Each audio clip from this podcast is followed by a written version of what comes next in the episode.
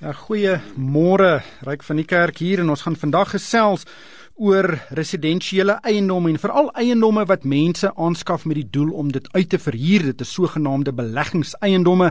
En baie Suid-Afrikaners sien hierdie eiendomme as 'n baie goeie langtermynbelegging. Rentekoerse is ook tans in Suid-Afrika op hulle laagste vlakke in bykans 50 jaar en dit beteken dat verband terugbetalings ook op hulle laagste vlakke in dekades is. Jy kan byvoorbeeld vandag 'n eiendom vir so 800 000 rand koop en dan sal die verband terugbetaling so wat 6200 rand per maand wees. En in baie gevalle sal dit minder wees as om die eiendom te huur. So dis baie aantreklik en ek dink baie mense dink dis 'n ideale tyd om 'n huurder in 'n nuwe eiendom te kry wat dan 'n tweede verband afbetaal. Maar en ek dink dis 'n baie baie groot maar die som is nie so eenvoudig nie. Daar is baie ander koste wat nie daarbey ingesluit is nie en dit kan meebring dat 'n eiendom nie vandag 1 af winsgewend is nie. Inteendeel, dit kan dalk jare duur voordat die huurgeld al die koste dek en ons gaan vandag daaroor gesels. Ons gaan kyk na die beginsels van beleggingseiendomme, die slaggate en ook die geleenthede wat dit bied want daar is baie baie geleenthede. Ek het twee gaste wat gaan saamgesels. Erik Jordaan is 'n finansiële raadgewer by Crew Invest en ook Pieter Mennen, hy's die regshoof by TPN en dit is 'n kredietburo wat op die eiendomsbedryf fokus en nogal baie navorsing doen oor huurders. Uh, huurders is natuurlik 'n baie belangrike skakel in die hele ketting van beleggingseiendomme. Ek wil die gesprek begin my by Erik Jordaan, soos ek gesê het, hy's 'n finansiële raadgewer by Crew Invest.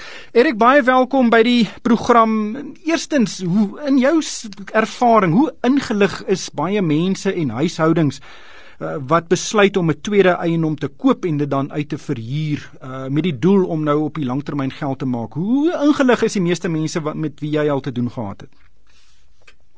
Uh, Goeiemôre, ja, baie dankie vir die geleentheid. Ja, ongelukkig is mense baie keer wat uh, in so 'n transaksie ingaan nie so ingelig soos wat hulle behoort te wees nie. En ek praat natuurlik maar 'n bietjie in die algemeen. Uh, maar baie mense hoor altyd net van die die goeie kant van eiendomsbeleggings en waar dinge suksesvol was en en, wil dan self daarin daarin belê. Maar ongelukkig is hulle nie altyd bewus van al die risiko's wat jy in ag moet neem, al die onkoste uitgawes wat jy gaan hê en baie keer die tyd wat jy moet spandeer om so 'n belegging suksesvol te kan bestuur nie. Ja, dis nie 'n passiewe inkomste wat net elke maand in jou bankrekening inbetaal word nie. Jy moet dit uh, eintlik bestuur soos 'n besigheid. Uh want dit is is jy jy het inkomste, maar jy gaan ook uitgawes moet aangaan om daardie inkomste te kry. En ek dink nie baie mense besef dat dit eintlik 'n 'n volwaardige besigheid is nie.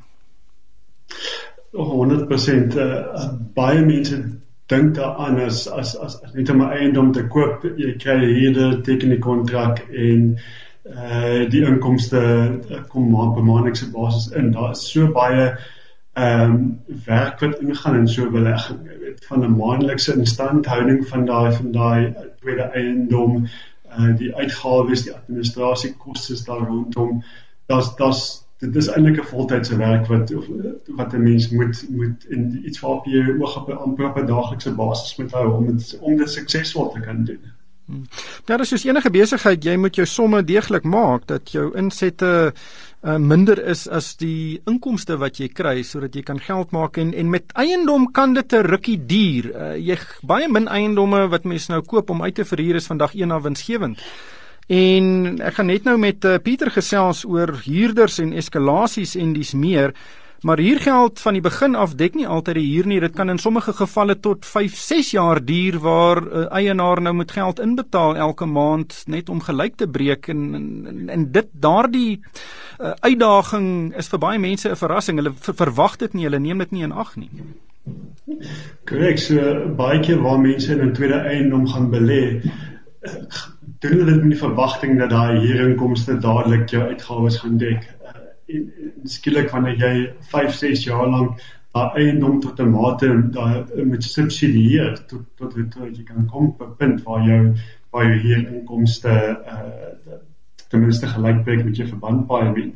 Nie baie mense het die vermoë om om dit wel te doen nie. En dan wanneer jy dan skielik in 'n 'n situasie beland waar jy vir 'n maand of twee nie hier inkomste het nie, huurders uh, trek en die eiendom staan leeg vir 'n tyd lank. Die eskalasies van daai hier gaan nie op soos wat jy verwag het nie of rentekoerse uh, styg weer. Jy weet al daai goed het 'n het 'n implikasie op hoe lank dit gaan vat voor daai voor daai inkomste ehm um, die die die verband baie min kan begin dek. Hmm. So kom ons gebruik 'n voorbeeld. Sê nou maar ek wil kyk na 'n uh, eiendom of ek wil 'n eiendom koop om uit te verhuur. Ek wil nou bietjie munt slaan uit die lae rentekoerse en uh, hoe, hoe dink jy moet ek die somme maak? Wat is die belangrikste dinge wat ek in ag moet neem voordat ek nou 'n eiendom koop? Ja, so so as mens eersins dan kyk om te sien wat is die verwagte opbrengs wat jy gaan kry van daai eiendom. So eerstens gaan jy moet kyk na wat is die kapitale uitleg wat jy moet hê om daai eiendom aan te skaf. Ehm um, tweedens wat is die koste met ander woorde die verbandpaaiement wat jy gaan gaan gaan betaal oor, oor die volgende 20 jaar wat ek al die verband gaan dan dan gaan gaan wees.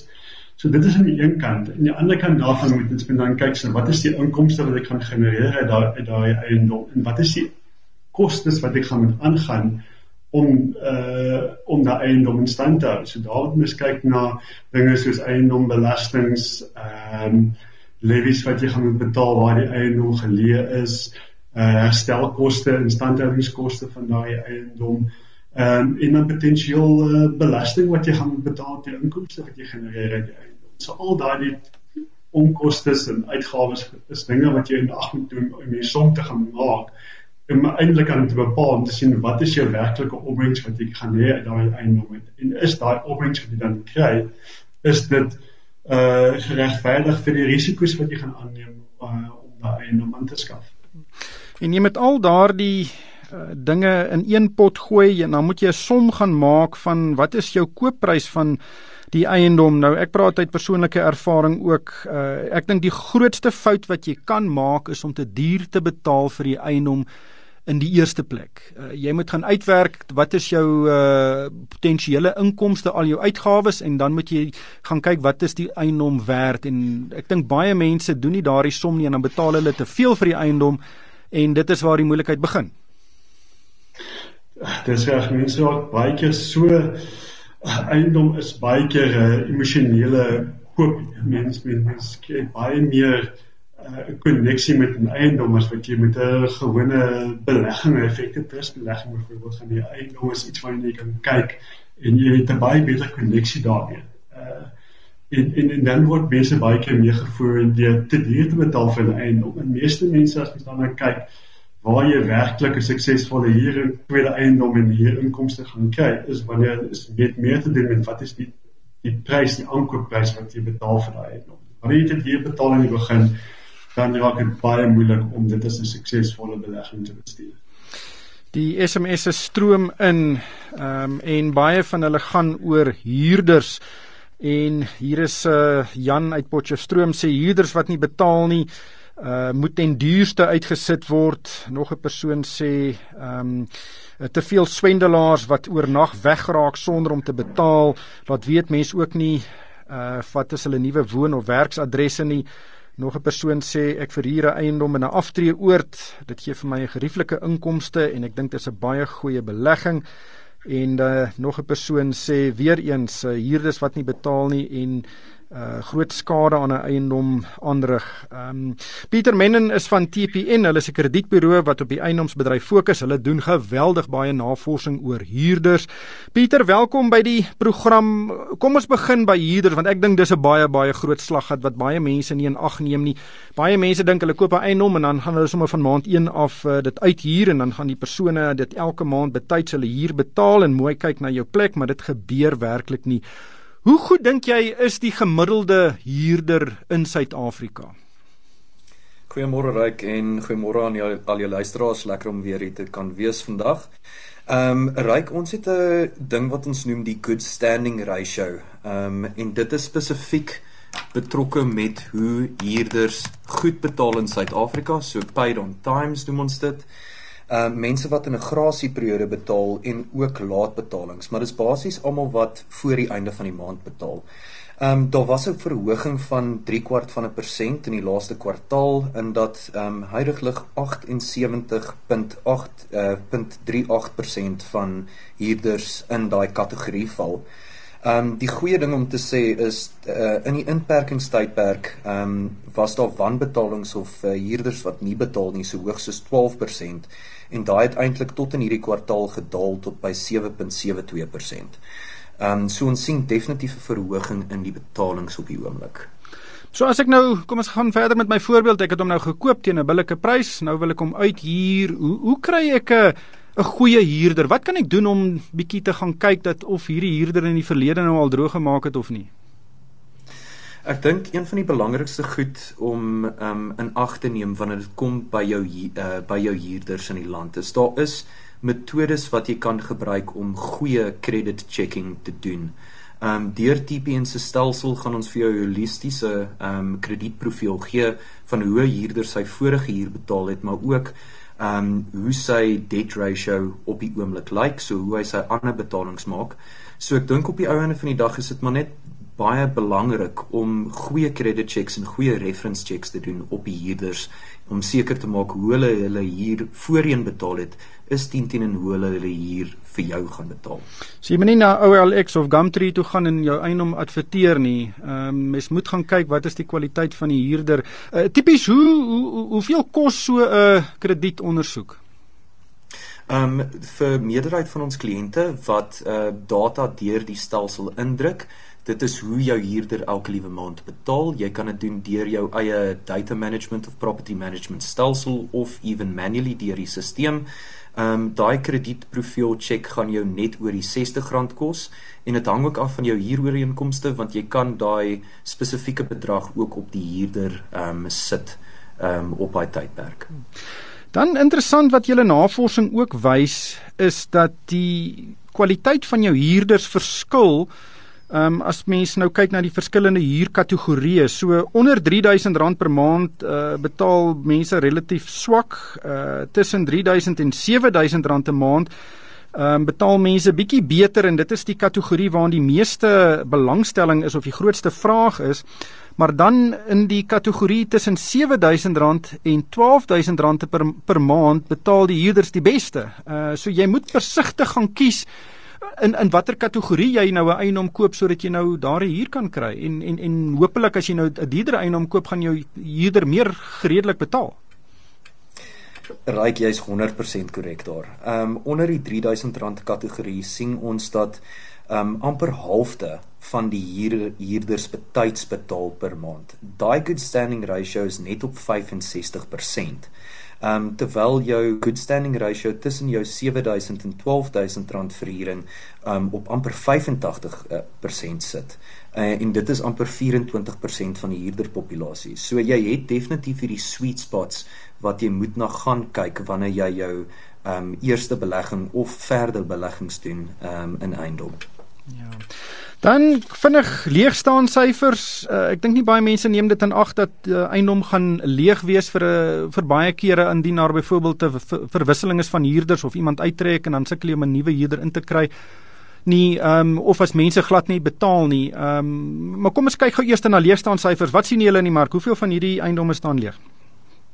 Raai ons het 'n klein gesprekkie voor die tyd gehad en soos wat jy gesê het, soos wat die rentekoerse afgegaan het, Ehm um, dit lyk amper vir my met die met die nuwe studies dat dit amper 1.4% meer bekostigbaar is as uh, om te koop as te verhuur. So hierdie het definitief 'n ehm 'n 'n geval geraak van die vakante syfers ook waarin kwartaal 4 het ons 12.9% uh, vakante syfers gehad en heidaglik sit ons met 'n 13.3%.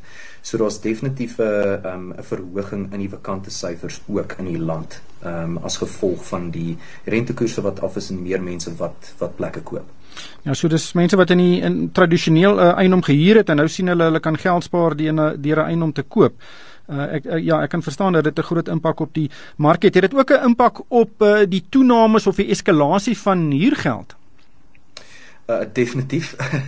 ek ek hou nie daarvan om dit te sê nie, maar daar is 'n klein bietjie goeie nuus hier in dat daar geen verskil is in huurverhogings nie.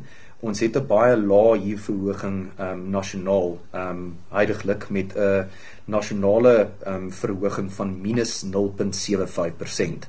Ehm um, maar dit het, het nie verander tussen kwartaal 4 en kwartaal 1 nie.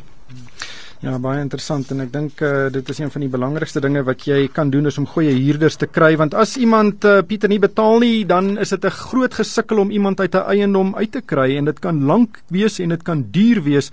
Uh, wat wat is wat sê julle navorsing oor daardie uh, proses? Ons het 'n klomp uh, prokureurs op ons paneel ehm um, wat spesialiseer in uitsettings. Ehm um, op die oomblik kan jy uitsettings doen. Ehm um, dit is net 'n langer tydperk wat jy na kyk vir die uitsetting. Ehm um, wat die prokureurs vir ons gesê het, is is amper tussen 3 en 6 maande in die uh, meerderheid van die tyd vir die uitsetting, maar dit hang ook maar regtig af van die regter en van wat by die hof daai dag gebeur.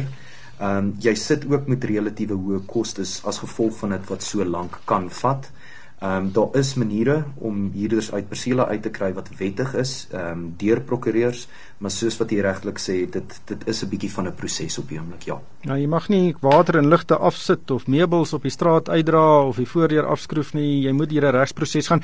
Is daar 'n syfer is wat kos dit tipies om iemand uit 'n huis uit te kry? Ehm um, jy gaan definitief met die individuele prokureurs daar gaan moet praat. Ehm uh, maar as ons verwys na 'n prokureur toe, Ehm um, sal die kostes dit, dit dit hang af hoe lank die proses is. Dit kan 'n baie kort proses wees in dat die prokureur net instaan om kommunikasie deur te stuur na die huurder toe of net die uh, die ehm um, applikasieproses begin en dit kan om en by tussen 10 en 20000 rand wees, maar as dit 'n bestryde ehm um, uitsetting is, kan dit lank vat en dit kan ook baie duurder as dit raak. So dit hang maar regtig af van die proses raak. Ja, Marie sê per SMS uh, gebruik 'n goeie agent en keer jou huurders goed. Dit werk baie goed vir ons. Uh, nog 'n persoon sê ehm um, hulle het eh, 'n uh, plaas verkoop en 'n hele aantal uh, meentuise gekoop. 10 van hulle, hulle skuld niks daarop nie en hulle kry gerieflike inkomste. En dan uh, sê nog 'n persoon, daar's geweldig baie administrasie betrokke. Uh, maar ons is bevoordeel met goeie huurders. Hierdie hele storie werk vir ons. Uh nog 'n persoon sê, ehm um, ek is die eienaar van 'n paar eiendomme wat ten volle betaal is en daar's geen twyfel dat die opbrengste baie beter is as ander beleggings uh, nie met 'n uh, heelwat minder risiko. Dit is George wat so sê. Ehm um, Erik, dis baie duidelik dat uh daar verskillende ervarings is. Baie mense is baie gelukkig, ander mense het nou al 'n paar keer hulle koppe gestamp. Maar hier's een tema wat uit die SMS'e vir my duidelik is en dit is dat baie mense wat sê dit werk, skuld nie meer enige op enigiets op 'n verband nie of die verband is baie klein en dit in 'n groot mate weet ver, verlaag die risiko. Hoe moet 'n mens kyk na jou deposito byvoorbeeld wat jy gaan neersit op 'n nuwe eiendom? Is daar 'n som wat dalk jy kan maak om die die risiko te verlaag? Ehm um, ja, ek as wanneer mens gaan kyk na nou wat is die opbrengs wat jy werklik moet gaan kyk en en en die groei deposito is as daar's definitief sommige wat mens kan gaan doen om te sê in terme van dit te vergelyk met 'n met 'n normale belegging wat jy gaan wat jy gaan doen waar jy ja deposito byvoorbeeld kan gaan belê kyk wat jy verwagte langtermyn opbrengs op 'n op 'n gewone effekte belegging kan wees. En dan dan 'n vergelyking te gaan trek met met wat jy gaan gaan genereer uit daai eiendom uit die verwagte huurinkomste wat jy kan kry op daai eiendom en die kapitaalgroei wat jy op die waarde van die eiendom gaan kry. So daar is maniere om om daai daai vergelykings te gaan tref, maar dit hang ook grootendeels af van van van die individu en die behoeftes. Met ander woorde, watter fase van sy lewe hy is. So, so is hy nog in 'n fase voor aftrede waar jy besig is om om, om bates op te bou of is jy in 'n stadium waar jy afhanklik is van van van inkomste te trek vanaf jou vanaf jou beleggings en bates en, en en dit is ook 'n groot impak op die risiko wat jy kan kan kan aanneem in, in, in so 'n belegging. Ja, ek ek ek dink ook baie mense in in die paar SMS'e wat dit ook um, onderstreep is dat baie mense gebruik 'n groot deel van hulle totale welvaart of kapitaal om eiendom te koop En dit kan 'n scenario raak dat jy te veel van jou eiers in een mandjie sit. Uh, hoe hoe moet residensiële eiendom inpas in 'n hele beleggingsportefeulje of 'n aftree tipe van uh spaarplan? Ja, dit is baie interessant daarom te kyk na wat is die werklike risiko wat jy dan gaan neem met so 'n met so 'n belegging in in, 'n tweede eiendom byvoorbeeld. So waar jy dit die grootste uh, gedeelte van jou beleggingsportefeulje sou uitmaak, dan dan dan is die risiko's wat jy het in so 'n eiendom baie hoog. So teenoor uh, een van die uh, SMS'e wat jy byvoorbeeld gekry het waar sê mense het 10 uh meentuise gaan koop. So daar suiwer net jy dit te doen uh, is jy besig om meer diversifikasie in jou portefeulje in te bring en jou risiko te verlaag. So uh, dit is een gedeelte waarna mense na kan kyk. Tweede deel daarvan is wat is jou uh, allocasie na na die verskillende bateklasse so byvoorbeeld hoeveel 'n beurseling jy het in eiendom, residensieel, industrieel en so voort. Maar dan grootliks aandele, uh effekte, trusts uh, geld na kontant tipe van belegging. So al daardie jy moet 'n holistiese benadering volg en seker maak dat jy nie 'n te groot blootstelling in een van daai spesifieke bateklasse het en dan in daai bateklas dat jy nie 'n te groot blootstelling aan slegs een spesifieke bate het nie. Want die risiko's rondom een een bate uh, verhoog natuurlik uh substansieel Hier's 'n hele paar luisteraars wat sê die opbrengste wat hulle kry is heelwat laer as wat hulle gedink het. Hier's een persoon wat sê, ehm um, dis Anita wat so sê, haar man het ongeveer 15 jaar gelede vir haar 'n meentuis gekoop vir ongeveer 600 000 rand as 'n belegging vir wanneer sy aftree. Sy sê sy is nou 63 jaar oud. Die meentuis se huur is 7500 rand per maand en daar is nog 'n klein verband op die eiendom. Nou as sy die heffing en die verband terugbetaling uh, ook in uh, um, berekening bring, kry sy nie eers R3000 per maand uit nie en sy sê ook die uh die meentuis het vir 6 maande leeg gestaan tydens COVID-19. So daar is baie baie risiko's. Is 'n hele paar van SMS'e met dieselfde strekking. Maar Pieter, net voordat ons groet en is ongelooflik hoe die tyd vlieg, maar dis 'n hele paar vrae oor agente. Ehm um, watter rol moet 'n agent speel uh, in so 'n proses uh, of watter voordele kan 'n agent vir iemand bied wat 'n huis gekoop het of 'n eiendom gekoop het om uit te verhuur teenoor om dit self te doen?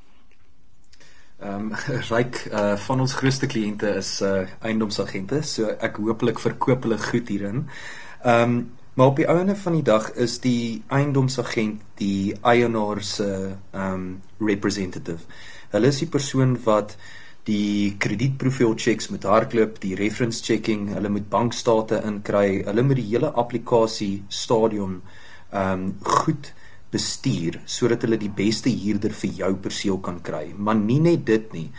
'n Goeie agent is 'n agent wat seker maak dat 'n huurder elke liewe maand ehm um, deur hulle tegnologiese prosesse ehm um, weet wat die huurbetalings moet wees, weet wat die ehm um, ancillary costs of die kostes uh, gekoppel aan daai perseel is, mag dit water of elektrisiteit of enigiets soos dit is wat elke maand met die huurder kontak maak wat regtig jou eiendom kan bestuur.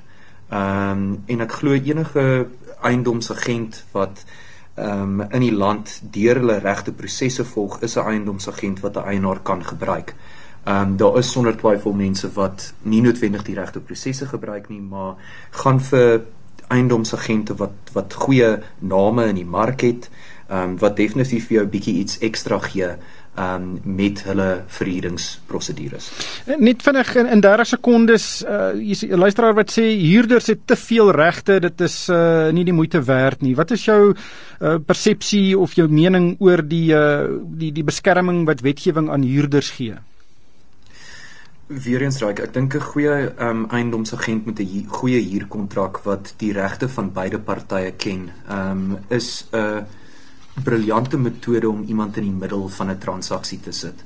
Um ek stem saam in 'n sekere manier dat dat huurders baie regte het, het regte het, maar verhuurders het ook. Dit gaan maar net alles oor prosedure en of jy die regte prosedures volg.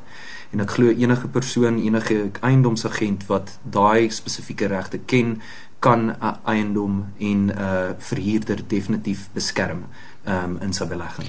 Ons sal daarmee hard halt roep eh, 'n uh, hele klomp SMS'e. Ek sien dit is ek uh, wel ek weet dit is 'n baie interessante uh, onderwerp. Baie mense is baie emosioneel oor eiendom en sien dit as 'n inkomstebron vir die toekoms. Maar die tyd het ons ingehaal. Baie dankie aan Erik Jordaan. Hy's 'n finansiële raadgewer by Crew Invest en ook Pieter Mennen. Hy is regshoof by TPN en dit is 'n kredietburo wat op die eiendomsbedryf fokus. En daarmee moet ons groet van my ryk van die kerk en die Moneyweb span. Dankie vir die saamluister.